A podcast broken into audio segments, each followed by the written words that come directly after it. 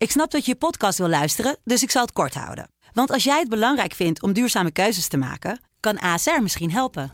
Nou hoor ik je denken, hoe dan? Nou, bijvoorbeeld bij het duurzaam herstellen van schade. Of de premies die we beleggen volgens ons duurzaam beleggingsbeleid. Dat bepaalt waar we wel en juist niet in investeren. Wil je meer weten over welke duurzame keuzes ASR maakt? Ga dan naar asr.nl/slash duurzame keuzes. ASR doet het. Zo, dan kan je nu lekker naar je podcast luisteren.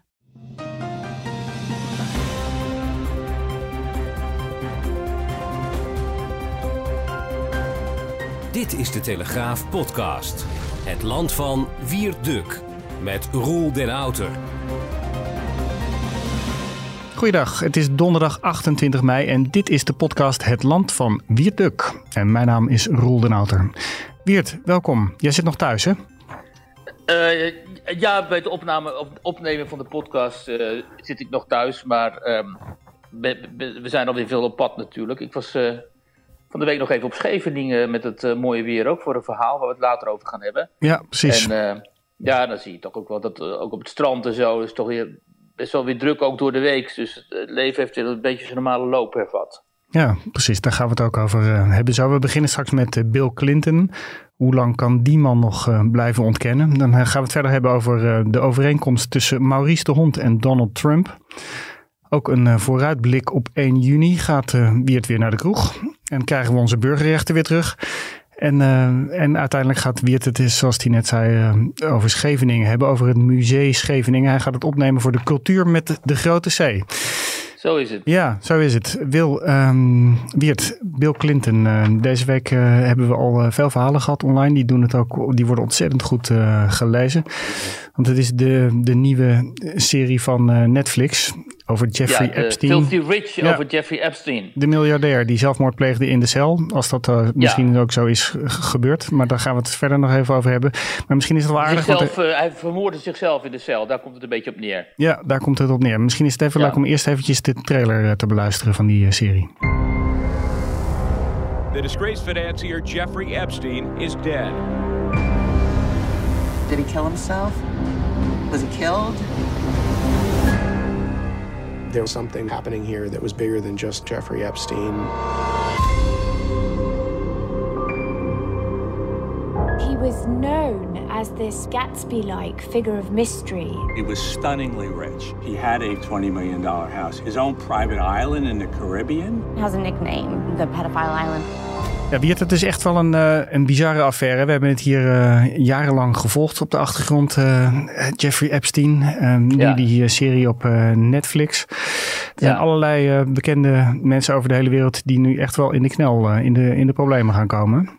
Ja, van Bill Clinton tot Prins Edward, hè, de, de, de Britse prins, jongere broer van Prins Charles. Ja, die, die Jeffrey, kijk, het is natuurlijk een enorm tot de verbeelding sprekend verhaal. Want in die die hele kwestie, uh, Jeffrey Epstein komt zoveel samen, namelijk um, hè, wat eruit ziet als uh, gewoon grenzeloos machtsmisbruik door uh, machtige, um, filthy rich, dus superrijke um, mannen, die met een vrouw als handlanger eigenlijk seks ronselt bij jonge meisjes, hè, bij, bij minderjarige meisjes, en een groot aantal onderkomens heeft vanaf een enorme range in New Mexico tot, uh, tot allerlei andere uh, onderkomens, de, de Maagde-eilanden en Els nou ja, over de hele wereld, zeg maar. Vakantiehuizen, zoals Epstein dat zelf dan noemt, in Parijs en, New York en elders. En um, hij heeft dus jarenlang, lijkt het, nou ja, daar ziet het wel naar uit, althans het wordt beweerd,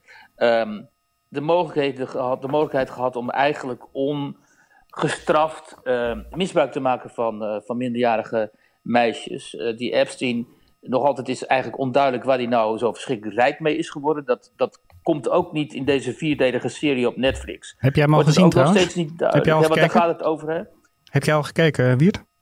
Nou, ik, heb, ik ben nu bij, uh, ik heb twee delen gekeken of zo. En daar word je echt, uh, uh, nou, niet vrolijk van. Nee. Um, maar in ieder geval, niet helemaal duidelijk wordt zelfs hoe die man nou zo verschrikkelijk rijk is geworden. Hij komt van Coney Island in New York en was dus op een gegeven moment eigenlijk een soort de, eh, de bankier van, van de rijken, zeg maar.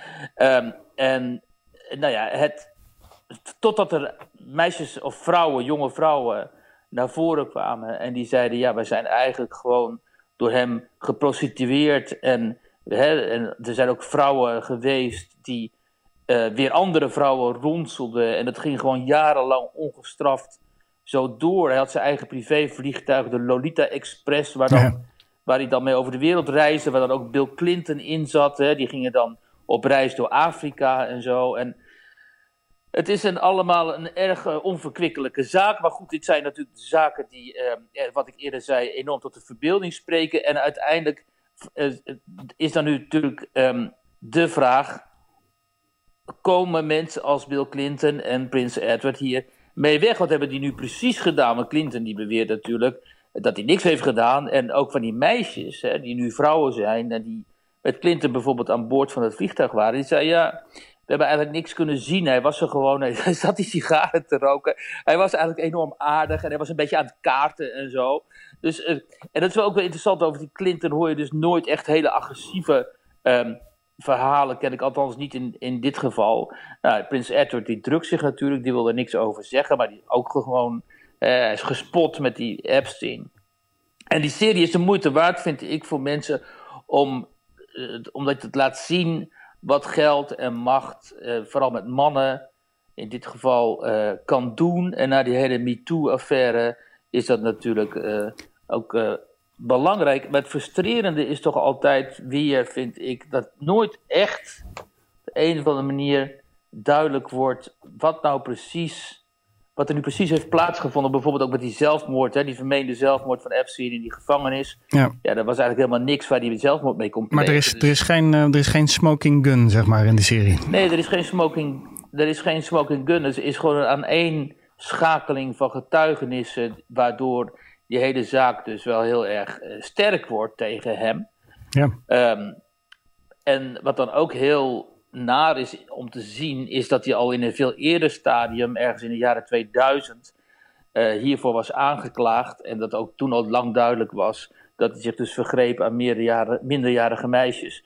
Maar dat, dat, dat er toen gewoon een deal is gesloten met het OM, dus met de aanklager. Acosta, die later notabene nog minister werd in het kabinet van Donald Trump. Uh, en wel moest verdwijnen uiteindelijk.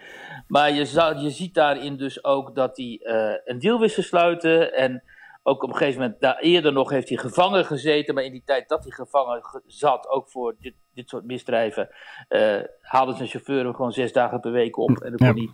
hij, kon hij aan het werk gaan. Dus die, die geprivilegeerde klasse, hè, zeg maar de 1% van de schatrijken. Ja, hè, het moet wel heel erg, ze moeten het wel heel erg dol maken, zoals die Weinstein toen gedaan heeft, die Harvey. Willen ze uh, echt de klos zijn. In de zin van willen ze echt hè, uiteindelijk dus in het gevangen komen. Zoals ook die, die met, wel met die Bill Cosby is gebeurd. Ja, maar dit had, uh, dit had natuurlijk wel kunnen gebeuren als die man nog had geleefd. Dus de, het grote mysterie is natuurlijk ook al waarom is die man overleden in de cellen. En ja, in dit geval wel. Hè, dus een aantal. Kijk, de, de excessen, de, de, hele extreme gevallen uiteindelijk. Um, ja, die vallen dan op een gegeven moment na zo heel veel jaren dan toch uh, door de band. Want je moet je natuurlijk voorstellen hoe in die kringen heel veel mensen toch gewoon waarschijnlijk wegkomen met excessief gedrag. Omdat ze gewend zijn dat ze met geld en macht. Um, Alles afkopen. Ja, eigenlijk uh, precies kunnen doen uh, wat zij willen. Hè? En, ja. Nou ja, dat is natuurlijk een hele verontrustende conclusie. En daarom is het ook heel goed dat dit soort dat, hè, de boeken waarop dit is gebaseerd verschijnen. En dat dit soort series verschijnen, zodat de gewone burger blijft zien. Van blijf kritisch, blijf kritisch op de macht vooral. Dat ontbreekt er tegenwoordig nogal aan, namelijk in, ook in de media vaak. Altijd de macht kritisch onderzoeken en altijd ervan uitgaan dat, um, dat er wel ergens addertjes onder het gras uh, kunnen zitten. Ja. Anders komen hè, mensen in machtsposities vaak veel te makkelijk weg met, uh, met allerlei uh, misstanden. Maar ik denk dat uh, Bill, Bill, Clinton die zit wel zijn billetjes te knijpen waarschijnlijk. Want dit is toch niet vrolijk wat hier allemaal weer Ja, je vraagt natuurlijk af hè, wat er boven water moet komen. Kijk, Clinton ontkent alles. Um, hoewel hij dus... hij ontkent zelfs dat hij ooit op dat orgie-eiland is geweest. Ja, we hebben foto's. Eilanden. Ja, en hij zou ook niet in, die, um, in New Mexico en Florida bij Epstein zijn geweest. Maar ja, die, die, die uh, toenmalige meisjes, dus die jonge vrouwen, die zeggen gewoon, ja, ik heb hem zien zitten. En uh, ik bedoel, ik heb hem zien, hij zat gewoon aan tafel. Hij deed weliswaar niks verkeerds en zo. Maar hij zat met ons in het vliegtuig en hij zat met ons in, in huis. En er zijn ook gewoon foto's van dat hij op die vliegtuigtrap staat en zo. Dus uh, ja, um, de vraag is natuurlijk ook... Kijk, en dan dient zich weer de vraag aan... Willen, kijk, dat is een kwestie van uh, uh, media ook, hè, van het juridische systeem, maar ook van media, dit aan de kaak moeten blijven stellen en die dan uiteindelijk met onthullingen moeten komen, waardoor je er niet meer omheen kunt om mensen als die Prins Edward en uh, Bill Clinton, als ze zich hebben schuldig gemaakt aan uh, misdrijven, om die te vervolgen. Maar, maar heb jij de indruk dat die Amerikaanse media bovenop Bill Clinton zitten? Nou ja, dat wilde ik net zeggen. Kijk, als het over Donald Trump zou gaan, dan zouden ze natuurlijk bovenop zitten. Want in het geval van Trump, hè, die natuurlijk ook uh, geen, niet, niet, blanco is in heel veel opzichten. Niet blank, maar blanco. Hè. Um, zouden ze dan natuurlijk onmiddellijk aangrijpen om erachteraan te gaan. Maar in het geval van de Clintons hebben ze daar vaak wat minder zin in, omdat die liberale media, ja, hun sympathie ligt toch vaak bij die Clintons. Hoewel we moeten uh, wel even hier moeten zeggen natuurlijk dat destijds tijdens het presidentschap, toen al die seksuele onthullingen over Clinton boven water kwamen, dat die natuurlijk met groot plezier door de media werden aangegrepen om hè, ook dat, want dat levert natuurlijk ook gewoon heel veel clip-outs en heel veel geld op. Als je dit tot de onthullingen brengt. Maar toen was, het nog lang niet zo toen was het nog lang niet zo gepolariseerd als nu, hè, me het medialandschap. Nee, toen was het uh, toch minder gepolariseerd. Hoewel ja, de, de, de, haat op Hillary Clinton was destijds in de samenleving al, toch al wel heel groot. Um, uh, maar de polarisatie is sindsdien natuurlijk alleen maar enorm toegenomen. En, en, en, en, tegenwoordig kun je inderdaad eh, sommige media ervan verdenken dat ze om ideologische redenen bepaalde zaken gewoon liever onder de pet houden. Ja, want uh, wat denk jij, Bill Clinton? Er, werd, er wordt gezegd dat, dat misschien Hillary nog een kansje maakt om als vicepresident aan te gaan komen en het misschien later over te gaan nemen van Biden als hij zou winnen. Ja. Um, dit helpt natuurlijk allemaal niet, hè? Nee, kijk, in het geval van Hillary, Hillary Clinton is zo gehaat dat ik, ik zie dat ook helemaal niet gebeuren, eerlijk gezegd hoor. Um, ik zie trouwens ook helemaal niet gebeuren dat Joe Biden die verkiezingen gaat winnen, wat, wat, wat veel mensen wel denken. Maar uh, dat, dat lijkt mij echt. hij is zo'n slechte kandidaat, dat, dat lijkt mij heel, heel onwaarschijnlijk. Dan moet die economische crisis vanwege corona nog wel een stuk groter worden, denk ik. En dan moet Donald Trump nog meer domme dingen gaan, gaan zeggen. En dan nog, zijn supporters, zijn, zijn kiezers, die houden toch wel vast voor een groot deel aan, aan Trump. Maar goed, dat is weer een hele, hele andere um, kwestie. Ja, Trump um, is inmiddels uh, gestart met het um, factchecken van. Uh, nee, Twitter is ge gestart met het factchecken ja, van, fact van Trump. tweets van, van Trump. Daar is Trump woedend over. Ja. En het is wel weer een beetje een uh, roerig weekje op het gebied van uh, social media. Want uh, ook Maurice de Hond die klaagt erover dat op YouTube een video van hem verwijderd is. Nou ja, kijk, in, deze hele sfeer van polarisatie spelen social media natuurlijk een enorm belangrijke, belangrijke rol. Hè, en al heel vaak valt het mij ook op dat er bijvoorbeeld allerlei zaken op social media maar gebeuren. Um, en ongecensureerd vaak gebeuren. Bijvoorbeeld nou, bijvoorbeeld uh, het aanmoedigen van de, van de Heilige Oorlog, bijvoorbeeld de, jihad, of promoten van islamitisch fundamentalisme en dat soort zaken. En dat blijft allemaal maar, maar staan. Terwijl een willekeurige Trump-supporter die wat zegt, die kan maar gewoon op een gegeven moment heel snel geblokt worden. Dus dan begin je de indruk te krijgen dat er sprake is van bias. En de laatste bias, dat is dus partijdigheid. En de laatste weken. Um, zie je dat op allerlei eh, terreinen. En daarom is Donald Trump ook zo boos. Um, kijk, dat Twitter besluit om factchecks te doen bij de tweets bij Trump. Dat is misschien nog niet eens zo gek, omdat hij zoveel waanzinnige dingen de wereld inslingert. Dat je af en toe wel afvraagt: van god, je mag wel een disclaimer bij. Zo van: uh, ja. dit klopt niet. Alleen. Uh, Twitter die gaat dan in hun factcheck gaan ze verwijzen naar uh, media als CNN of de Washington Post en zo. En daar kun je weer van zeggen, ja, maar die zijn weer partijdig tegen Trump. Althans, vooral de New York Times, de CNN. Um, dus dan zouden ze ook even uh, Fox uh, erbij moeten nemen, hè, wat op de hand is van Trump. Uh, voor het merendeels op de hand van Trump. Om die factcheck weer in balans te brengen. Dus dat lijkt me een, hele ingewikkelde exercitie. Dus ze kunnen het beter niet doen. Je kunt beter zeggen: ja, wij houden ons aan de vrijheid van meningsuiting. die is onbegrensd tot het moment waarop mensen gaan oproepen tot geweld of discriminatie of dat soort zaken. En dan gooien we je er van, vanaf. Um, in Nederland nu is het zo dat iemand als uh, Maurice de Hond, hè, die zich heeft, de afgelopen maanden heeft ontwikkeld tot een soort dissident in het debat over het coronavirus, dat die notabene van uh, YouTube is gegooid. Er was een interview met hem verschenen bij Café Weltsmets, dat is zo'n uh, praatpodium waarop uh, allerlei mensen komen praten. Dat gaat af en toe inderdaad ook wel wat ver qua complottheorieën en zo. Um, en ze worden ook beschuldigd van dat er mensen zitten die uh, antisemitisch zouden zijn. dus dat is ook een, een beetje omstreden platform. Ja, ze geven, goed, ze geven ruimte aan iedereen. Dus misschien is het wel handig om eventjes een stukje te laten horen wat Maurice oh, ja. de Hond daar ja. zegt op, bij Weltsmerts. En die video die ja. dus van YouTube afgehaald is. Zeg nou even dat WHO zegt het gebeurt alleen maar direct contact. En dat ik bijvoorbeeld zeg, het gebeurt alleen maar door de lucht. En dan ga je naar allerlei dingen kijken die we nu weten. En dan ga je zeggen, welke van de twee is nu het meest waarschijnlijke? De eerste is een koor in Seattle of een koor in Amsterdam. In dat koor in Seattle zijn van de 61 mensen 52 besmet geraakt.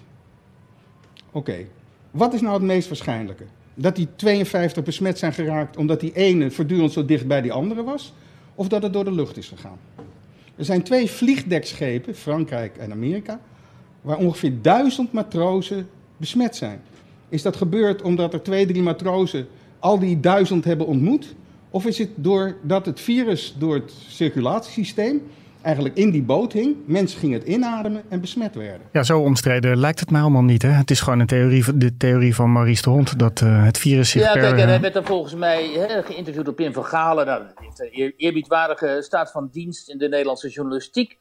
Uh, de hond natuurlijk ook. Um, en uh, het interessante aan wat de hond zegt, die theorie namelijk, hè, dat het coronavirus airborne is, dus dat het zich verspreidt vooral via hele kleine aerosolen, deeltjes, die lang in de lucht blijven hangen. Die theorie die is al lang bevestigd, al in, alleen die wordt door het RIVM in Nederland, dus de officiële wetenschappelijke fundering van het coronabeleid in Nederland, die, door hen wordt dat ontkend. Het gaat erom uh, dat uh, het virus en dat is de essentie van wat, wat, Maurice de Hond beweert. Dat hebben we ook in de krant gehad toen we een interview met hem hadden. Mm. Dat dat virus in ruimtes waar veel mensen bijeen zijn, ook al houden ze anderhalf meter afstand, deze, deze mensen in ruimtes die slecht geventileerd zijn, blijft dat virus in die hele kleine deeltjes, die aerosolen, heel lang hangen. Waardoor het kan bijvoorbeeld dat uh, een koor in Seattle dat aan het repeteren was, uh, waarvan de mensen anderhalf meter afstand hielden, maar in een ruimte die dicht was. Ja. Uh, enorm veel van die mensen zijn besmet geraakt omdat iemand van dat koor um, die infectie had. Ja, precies. Dat vertelt, dat vertelt Maurice Tront inderdaad. Dus wat hij vanaf het begin heeft gezegd is: je moet naar buiten. Je moet niet binnen zitten. Je moet naar buiten. En buiten is de kans, omdat het, die aerosolen daar verwaaien.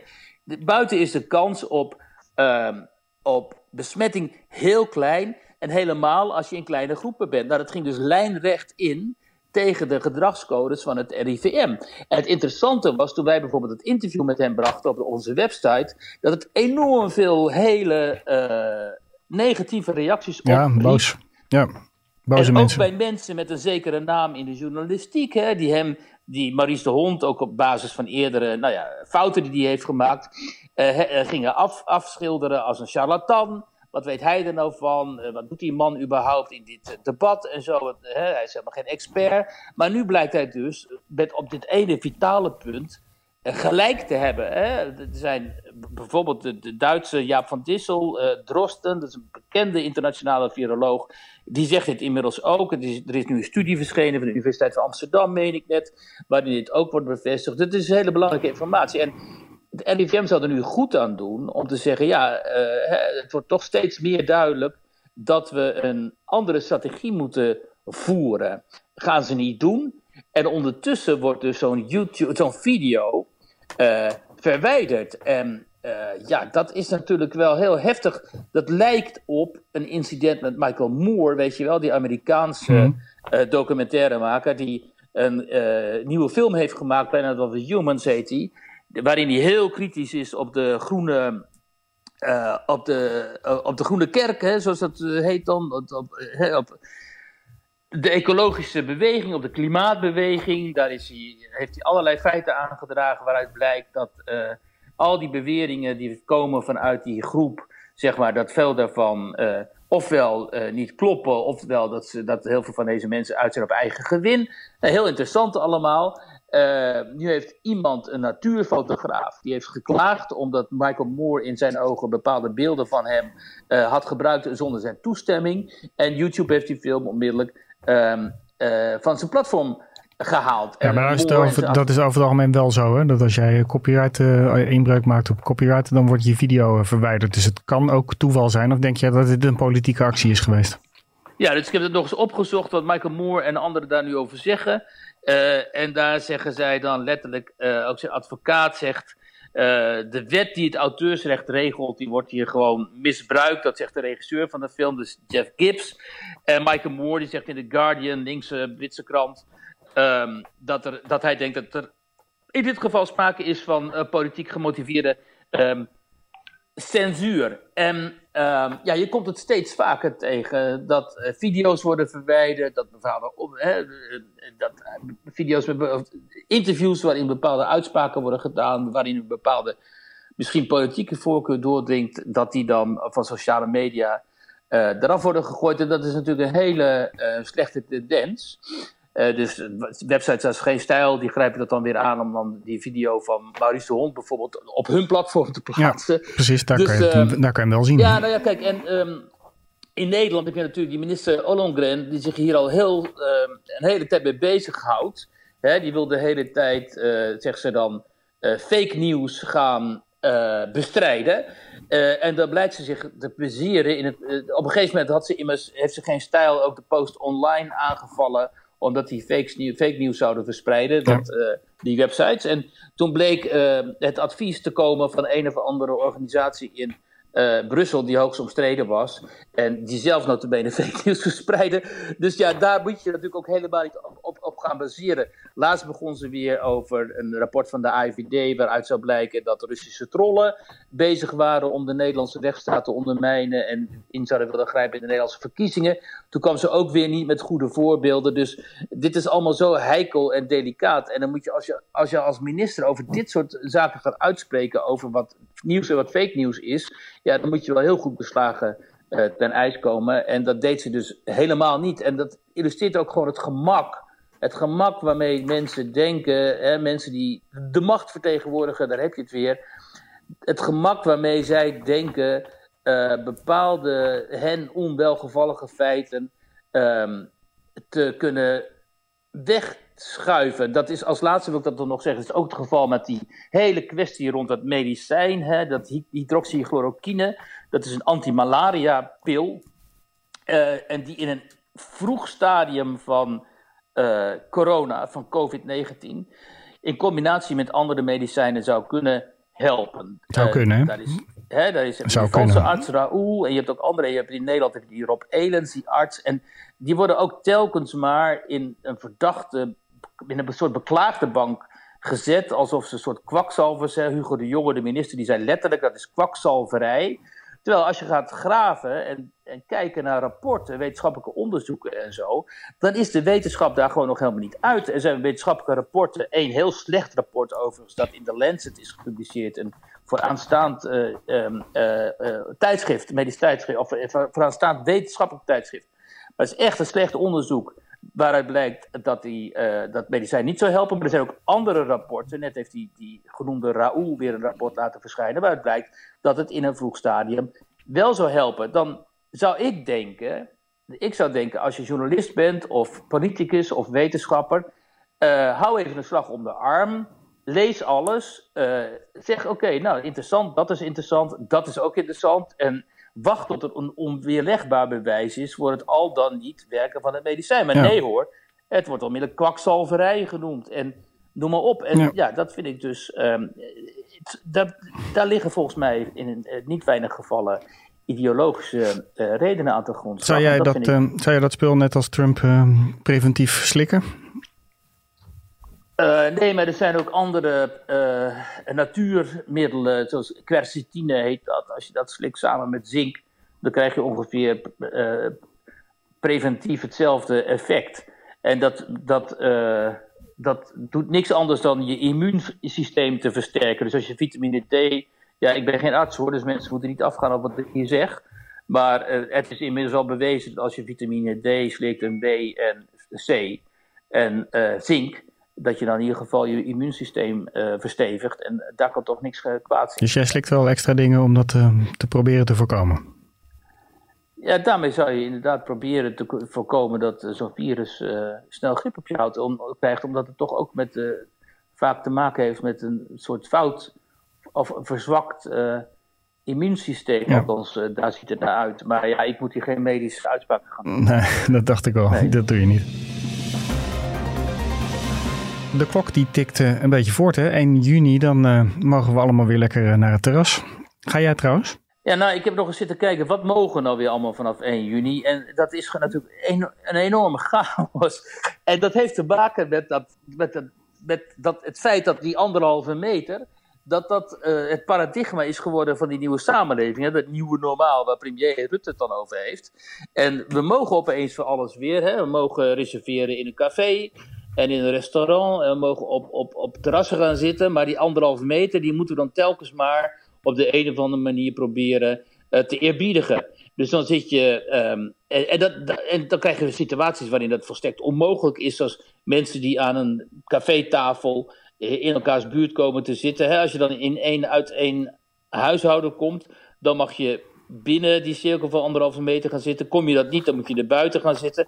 Ja, en wie gaat dat handhaven? En als mensen café of restaurant binnenkomen, dan moeten ze dus zeggen van uh, hoe ze er qua gezondheid voor staan, of ze een loopneus hebben of niet en zo.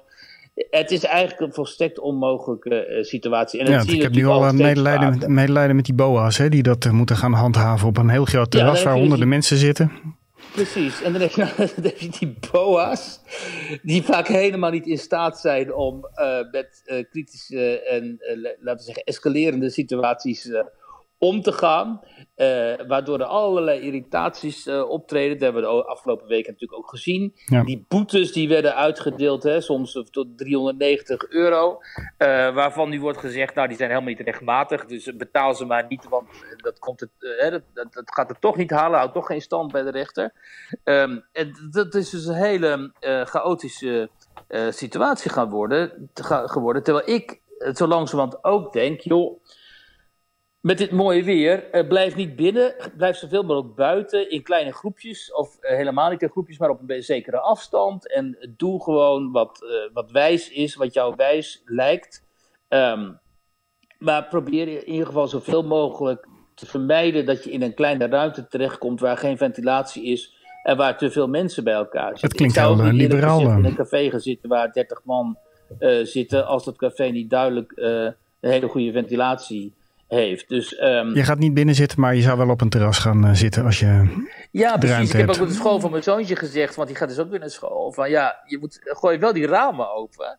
En dat doen ze nu ook de hele dag. Dus de hele dag staan die ramen daar open. Dus het waait daar een beetje door die lokalen en zo. Ja. Nou, dat, dat, dat is goed. Want als je die ramen dicht doet en die kinderen die zitten daar, die gaan elkaar natuurlijk uh, uh, besmetten. En misschien ook wel het onderwijs en personeel.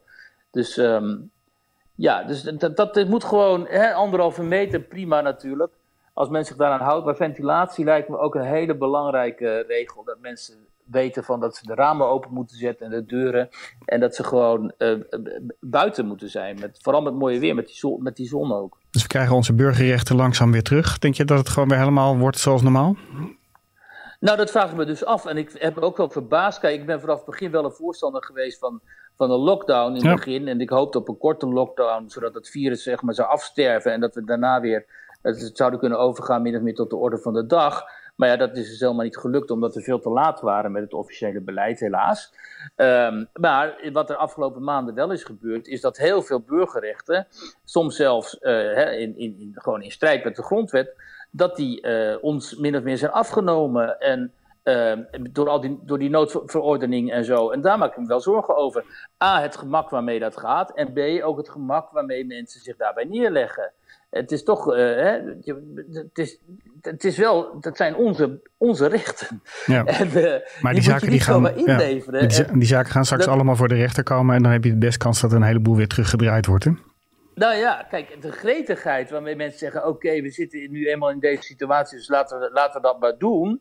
Ehm, dat, dat lijkt me onverstandig. Het lijkt me verstandiger als mensen zich realiseren dat ze ook rechten hebben, dat ze verantwoordelijkheden hebben en dat ze uh, burgers zijn in een democratische rechtsstaat. En dat ze niet een soort, uh, een soort pionnen zijn van een overheid die hen opdraagt: dit en dit mag je wel doen, dat, dat mag je niet doen.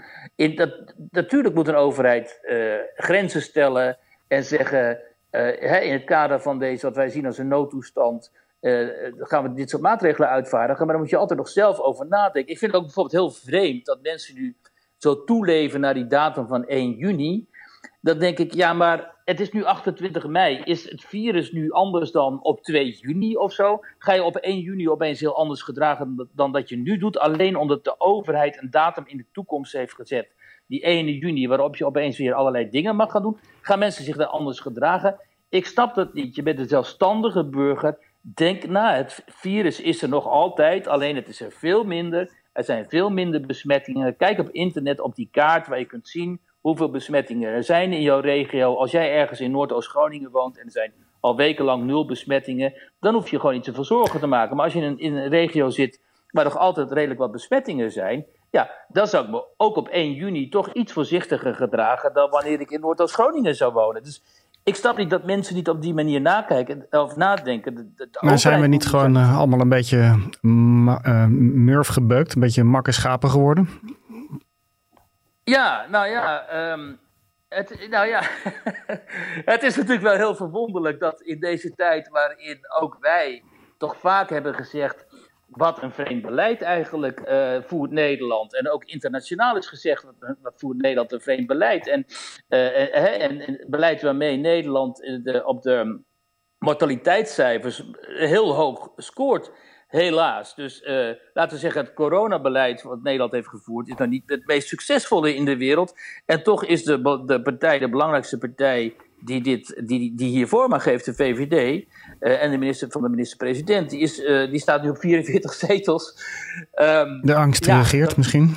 Dat zijn, voor mij zijn dat dus twee parallele werkelijkheden, eerlijk gezegd. Ja. En ik kijk daar uh, met enige afstand naar, maar, ook, maar toch ook wel met ja, gefascineerd hoe zoiets dus, um, hè, hoe beeldvorming kan afwijken van de werkelijkheid en wat voor gevolgen dat heeft. Hè? Want eh, in deze podcast hebben we ook zo vaak gehad over de slachting in de verpleeginrichtingen. Waar geen beschermende kledij was, waar geen mondkapjes waren, waar mensen, verzorgend personeel, bewoners van die inrichtingen besmetten en vice versa, waar hele afdelingen zijn gestorven.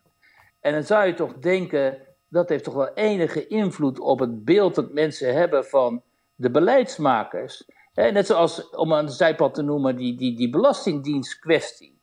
Wat een van de grootste schandalen is in de moderne geschiedenis van Nederland, waarin honderden burgers zijn geterroriseerd door de Belastingdienst op basis van hun etniciteit. En waarin ambtenaren willens en wetens kennelijk die burgers uh, hebben achtervolgd zonder dat ze daar recht toe hadden. En die ambtenaren zijn in bescherming genomen ook. Dan zou je toch denken, er is de aantasting binnen zo'n instituut als de Belastingdienst, een ernstige aantasting van de democratische, van de burgerrechten van deze mensen. En het heeft geen gevolgen, geen politieke gevolgen. Uh, dat is waar uh, het Kamerlid uh, Pieter Omtzigt zich gisteren in het debat nog zo druk over maakte. Het CDA-Kamerlid die dit hè, met een paar anderen heeft aangezwengeld. En je zag hem bijna ontploffen achter die microfoon in de Tweede Kamer. Het kan niet zo zijn dat ik hier weer na 2,5 jaar zwoegen op stukken...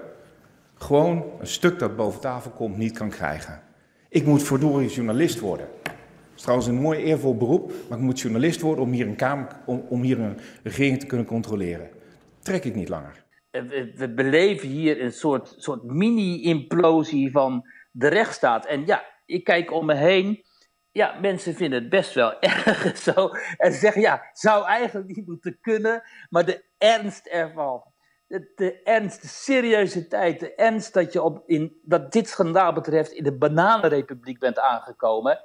Het dringt niet door. En of, of wij daar nu in falen, de media, of dat de oppositie daarin faalt.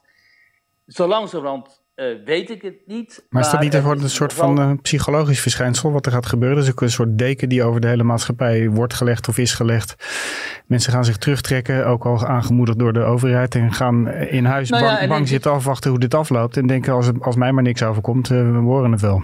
Nou, mensen zijn murf geslagen. En in het geval wat ik net noemde met de oppositie hè, in, de, in de politiek...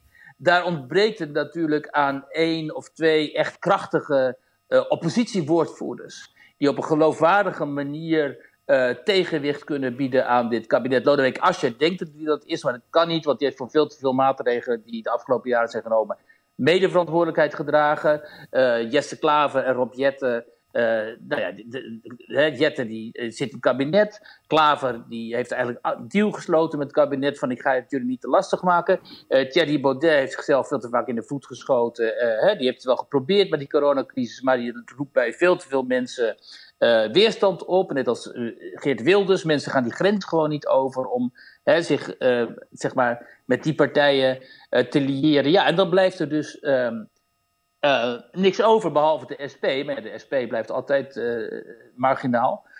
Uh, in, in allerlei opzichten. Dus dan, hè, er zou één geloofwaardige oppositiepartij moeten zijn, grote partij, die een heel andere analyse zou moeten maken van wat zich in dit land op allerlei gebieden afspeelt.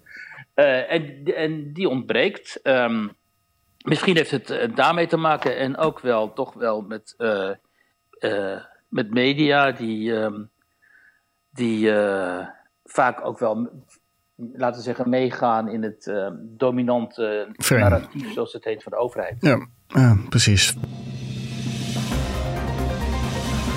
Wiert, we gaan uh, afsluiten met een verhaal wat, jij, wat in de krant staat vanmorgen over het bedreigde museum Museum in Scheveningen.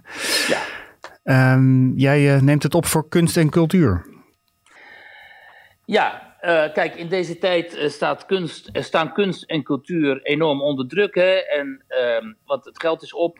En um, dus vanuit de cultuur en de kunst zijn er heel wat mensen die dan altijd met Claudia de Brij als de meest, meest luide vertegenwoordiger dan roepen dat ze gesteund moeten worden. En dat roept heel veel irritatie op bij mensen, bij burgers, omdat die zeggen ja, dat zal allemaal wel, maar er zijn nu wel belangrijkere zaken dan kunst en cultuur. En daar ben ik het dus niet mee eens.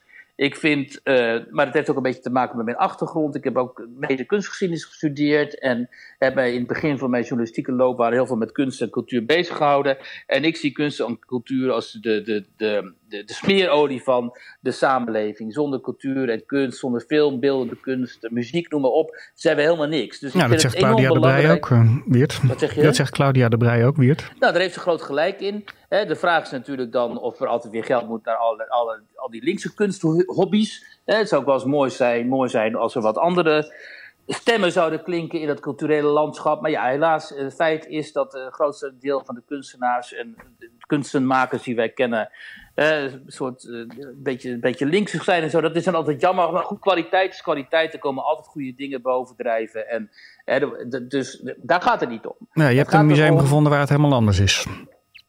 Nou ja, het gaat erom dat, dat, uh, dat wij kunst en cultuur moeten koesteren. En, maar goed, het moet geld worden verdeeld. En nu is in Den Haag een um, adviesplan, een adviescommissie ingesteld die moet uh, besluiten over de subsidies voor de komende uh, vier jaar. En nu heb je op, op Scheveningen, moeten zeggen op Scheveningen ja. en niet in Scheveningen, een heel leuk museum, Pieu.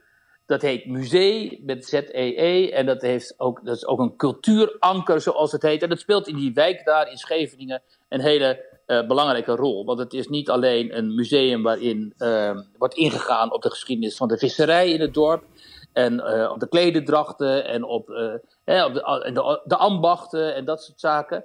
Dus op tradities van vroeger. Maar um, er worden ook theatervoorstellingen gehouden. Er worden jazzconcerten georganiseerd. Allerlei verenigingen daar in de omgeving. Die maken gebruik van het gebouw om bij elkaar te komen. Dus het heeft gewoon een hele duidelijke sociale functie. Um, maar nu is de subsidieaanvraag voor de komende jaren afgewezen. Althans, die wordt geadviseerd door die commissie om die niet te honoreren. Want het uh, museum zou veel te ouderwets zijn in zijn presentatie. En bovendien niet divers en niet inclusief genoeg. En dan kom je weer aan die heilige koeien van deze tijd. Als je niet voldoet aan een bepaald type diversiteit en inclusiviteit. Ja, dan speel je in deze samenleving. Uh, dan doe je niet meer mee. Ja, want hoe kan een visserijmuseum inclusief worden?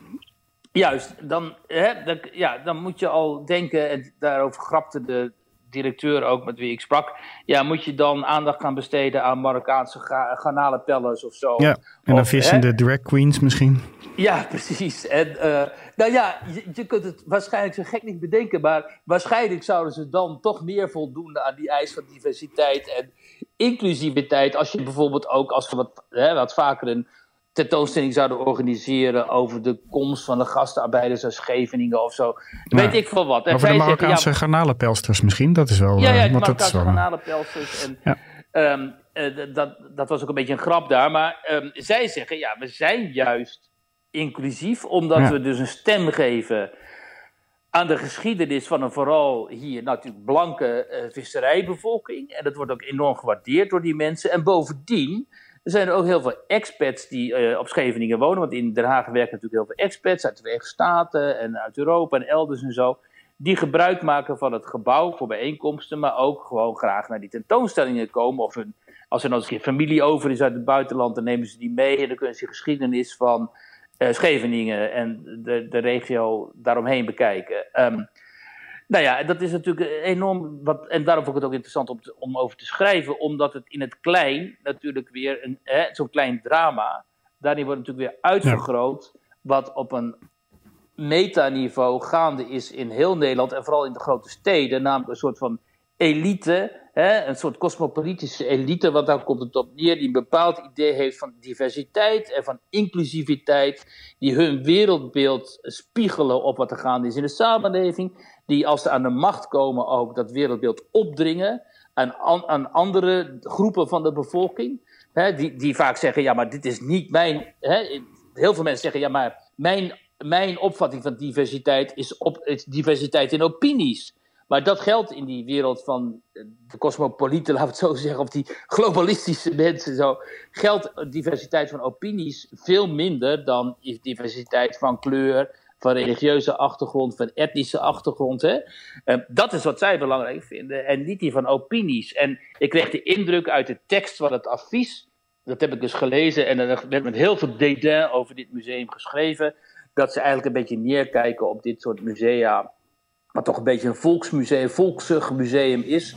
En dat zij eigenlijk helemaal geen zin hebben om uh, zich te interesseren voor dat soort type museale presentaties. En ja, een heel andere men, eh, op een hele andere manier denken over wat zo'n stad uh, nodig heeft. En, Ja. en hè, wat zo'n stad nodig heeft in hun ogen is wat zij nodig hebben. Dat zei als laatste dan, dat zei Richard de Mos ook, hè, die, die ex-wethouder daar voormalig PVV'er en nu uh, fractieleider van een lokale partij daar.